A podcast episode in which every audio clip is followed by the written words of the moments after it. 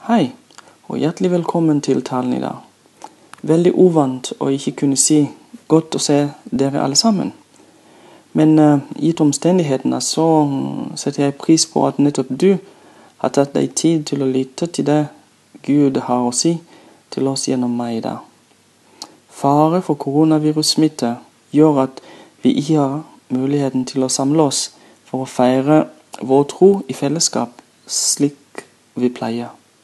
I stedet opplever vi en karantenesøndag. Det kan oppleves tungt og rart for både store og små, men jeg håper inderlig at Gud i sin nåde vil allikevel møte oss og vise oss det positive i alt det som skjer iblant oss og rundt oss. Både som enkeltpersoner, som familier, som vennegjenger, som menighetsfellesskap og som samfunn. I Nordkirken Hall så har vi vært opptatt av godhet som kommer av et ønske om å la Gud virke gjennom oss og til mennesket. Koronaviruset og de medfølgende omstendighetene som har ført til at eh, vi nå befinner oss i en felles karantenedugnad, gir et enda større rom for å praktisere godhet overfor, overfor hverandre og andre vi kjenner eller ikke kjenner. Så jeg håper at vi har, hatt, uh, at vi har tatt oppfordringen fra ledelsen om å vise ekstra omsorg for menighetsfamilien, naboer og venner. Må vi i alt dette finne fred og styrke framfor frykt om avmakt. La oss be. Heaven, himmelsk Far, vi takker deg for livet. Takker deg for helse. Takker deg for den troen som du har gitt oss ved Jesu død på korset. Vi ber spesielt akkurat nå for de som har fått uh, virussmitte, og deres pårørende. Vi ber om at uh, du, be, du, beskytter landet vårt og de andre landene som uh, som har fått kjenne på eh, utfordringen med, med, koronaviruset. Ber om visdom overfor ledere, eh, for helsemyndighetene, at de klarer å finne gode løsninger for situasjonen. Så ber vi for tiden eh, som ligger foran oss, spesielt for våre barn, om at du beskytter dem og hjelper dem til å klare seg gjennom denne vanskelige tiden. Be for de enslige som sitter hjemme alene og kanskje ikke har noen til å snakke med, spesielt nå når vi ikke kan ha nær kontakt med hverandre. Så husk, be vi for familiene, at du velsigner dem, at du binder dem sammen ved Den hellige ånd. Så ber vi for samhold i menigheten og i samfunnet ellers. I dag når vi nå går gjennom eh, evangeliet til alle, ber vi at ditt ord eh, må så kraft i oss og må utfordre oss, eh, slik at vi kan høre din stemme midt i alt. I Jesu navn. Amen. I talen i dag tar jeg utgangspunktet i Apostlenes gjerninger, kapittel 10. Og da tar jeg hele kapittelet. Men for å strukturere budskapet litt, så har jeg eh, valgt å benytte et verktøy som vi i ledelsen har brukt en del i eh, Agenda 1-sammenheng for å komme fram til handlingsplaner. Det går ut på at eh, man stiller seg tre spørsmål Nemlig hva er, hva kan bli, og hva blir. Altså hva er, hva kan bli, hva blir. Når vi stiller spørsmålet 'hva er', så får vi hjelp til å reflektere over uh, den nåværende status generelt, men også spisset mot det målet uh, man har foran seg. Vi får lov til å se tilbake i tid på alt det som har skjedd, som har gjort at man står der man, man er i dag. I dette tilfellet tenker jeg på evangeliet til alle. Hvordan ligger vi an eh, i forhold til evangeliet til alle? Hva har vi gjort før? Hva har kommet ut av det vi har gjort før? Og hva annet vet vi i dag, akkurat i dag? Disse er bare noen få eksempler av de type spørsmålene vi stiller oss. Vi stiller oss selv når vi reflekterer over hva er. Og så har vi hva kan bli. Spørsmålet tillater oss til å hive oss løs på drømmene våre. Her skal det ikke være noe begrensning på, på hva man kan finne på og drømme om. Alt skal med, kun tiden er en begrensning. Igjen, hva kunne vi tenke oss de neste ukene, de neste månedene, de neste, det neste året, de neste to til fem årene, det neste tiår? Det er en det er et befriende spørsmål, syns jeg. For da får vi lov til å bruke kreativ kreativiteten vår. Og sist hva blir? Dette spørsmålet utfordrer oss. Det setter oss mellom de to foregående spørsmålene og oppfordrer oss til å reflektere og, og finne en mest mulig eh, realistisk balanse mellom hva er og hva kan bli. Med andre ord vi vil veldig mye, men hva er det egentlig viktigste og mest realistiske å jobbe med framover? Dette er viktig, så vi ikke sliter oss ut på det som vi heller kunne spart oss for, gitt de ressursene vi har til rådighet og omstendighetene ellers. Så når vi nå hører det Gud har å si til oss i sitt ord i dag, så vil jeg oppfordre oss til å tenke for oss selv, med tanke på evangeliet til alle, over hva er, hva blir uh, Sorry. Hva er, hva kan bli, og hva blir. I Apostelens gjerninger 10 så får vi servert en historie som er litt sjelden kost i vår tid og kontekst.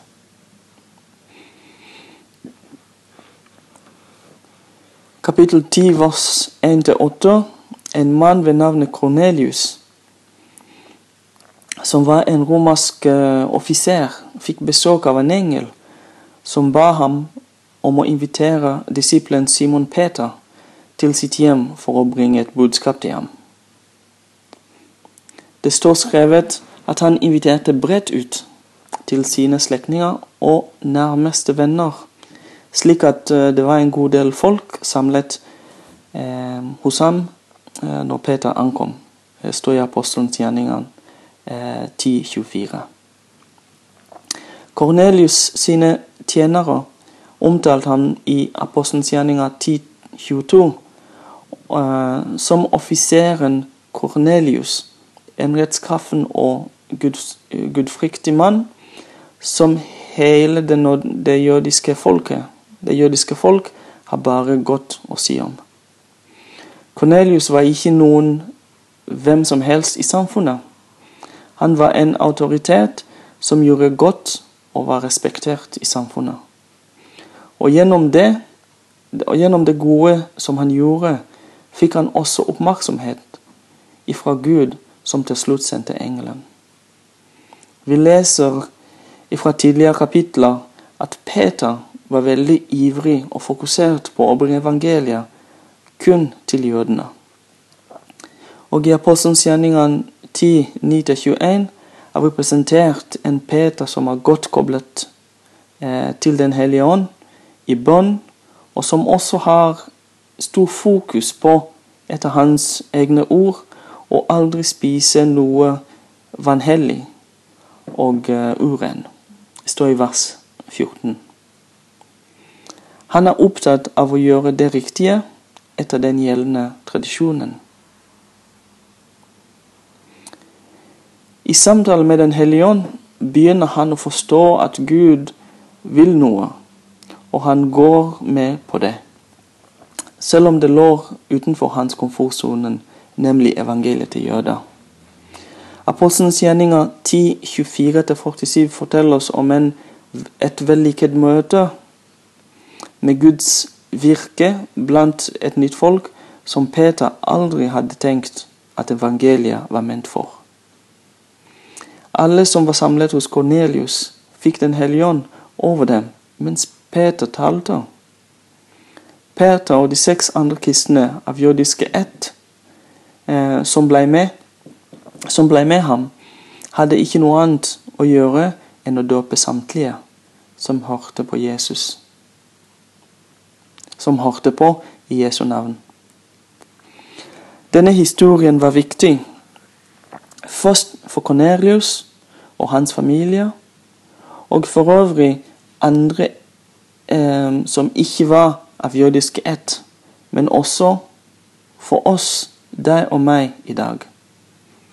Endelig fikk de bekreftelse på at Gud elsker også dem som ikke hadde full tilgang til Guds rike, fordi de manglet den broen til Gud. Den broen fikk de ved Jesu død på korset. Og det, eh, og det gjensto bare å forstå hvordan de kunne få tak i tilgangen. Historien var også viktig for Peter og de første kristne. Eh, fordi at den økte forståelsen av bredden og dybden i Jesu død på korset. For mens de var fokusert på Guds rike for jøder, så de nå også at uh, Guds plan var enda større.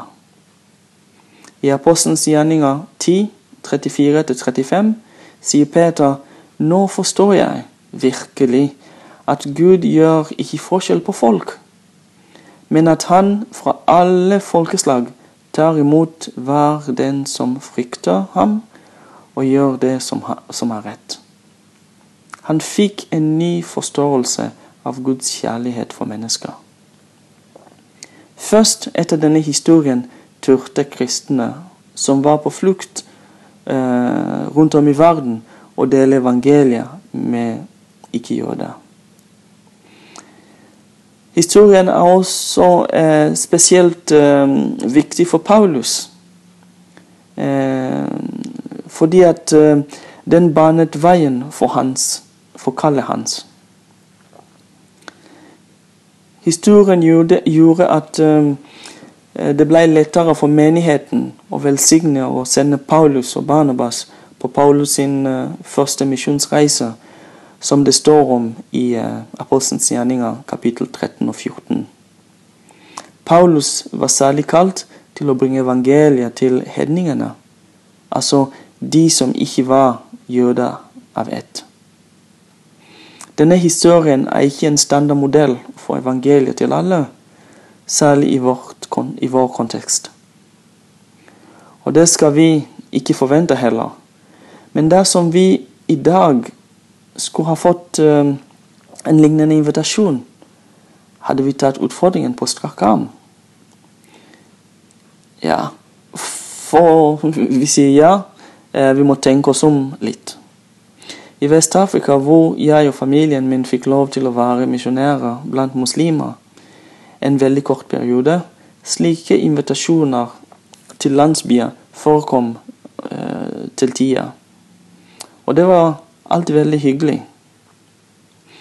Jeg vil oppfordre oss i dag til å benytte de tre spørsmålene vi begynte med. Hva er? Hva kan bli? Hva blir? for å reflektere over følgende.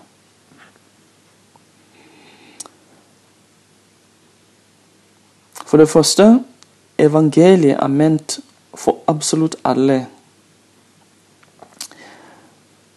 På, det, på bakgrunn av at Gud gjør ikke forskjell på folk. Han tar imot hver den som frykter ham, og gjør rett. For det andre Evangeliet til alle begynner med deg og meg. historien som, begyn, som begynte um, I historien så begynte det med Peter og Kornelius, som hver befant seg på forskjellige plan når det gjelder troen. Den ene i nær kontakt med Gud gjennom Den hellige ånd, og den andre i søkende iver for Gud uten å ha kunnet nå fram helt. Profeten Joel skriver i Joel 2, Joel kapittel 2, vers 12. Men selv nå, sier Herren, vend om til meg og, og hele deres hjerte, med faste og gråt og klage. Riv hjertet i stykker. Riv, hjert, riv hjertet i stykker, ikke klærne. Det begynner med Altså, det begynner med deg og meg, ikke med pastoren eller styret eller hele menigheten. Igjen, hva er for deg? Hva kan bli for deg? Hva blir for deg? For det tredje, for å kunne bringe evangeliet til alle, så må vi ha evangeliet. I Apostelens gjerninger 6.10 står det om Stefanus at men de kunne ikke stå seg mot den visdom og ånd som han talte med. Tenk på hva Stefanus eh, kan ha hatt i sin bagasje. Som lå bak, altså det som lå bak den visdommen og ånden som han viste. Så still du deg selv spørsmålet hva er, hva kan bli, hva blir? For det fjerde mange ønsker å bringe evangeliet til alle ved å bruke livsstilen sin. Veldig bra, faktisk, det. Men satt opp mot Jesu oppfordring i Matteus 5, 46-47, der han sier om dere elsker dem som elsker dere, er det noe å lønne dere for. Gjør ikke tollerne det samme? Og og om dere hilser vennlig på deres egne, er det noe storartet. Gjør ikke hedningene det samme? Dette betyr at vi må opp noen hakk for å kunne få utbytte. Kanskje er det enda viktigere i dag, hvor vi ser at koronaviruset eh, trekker hele landet mot samarbeid. Hvordan da? skal verden kunne merke forskjellen. Disse punktene, spørsmålene, disse punktene og spørsmålene er vi nødt til å svare på, også som menighet. Hva er Altså når vi tenker lokalt, nasjonalt, nasjonalt og internasjonalt. Hva er, hva kan bli, og hva blir? Til slutt Gud har gitt hver av oss ressurser og evner etter hans vilje. Og med disse et kall som i kombinasjon kan brukes til å fremme evangeliet til alle eh, i en eller annen form der vi er. Utfordringen vi det, med igjen, vi det igjen med, er å svare på hva er hva kan bli? Hva blir? La oss be. Himmelske Far, takker deg veldig for ditt ord som du har delt med oss i dag. Takker deg for dine evangelier, for den bredden og den dybden det, det har. Takker deg for at um, vi får lov til å delta i å bringe evangeliet til andre og til alle Takker deg for utfordringen du har gitt oss i dag. Og hjelp oss til å reflektere over hva er, hva kan bli, hva blir.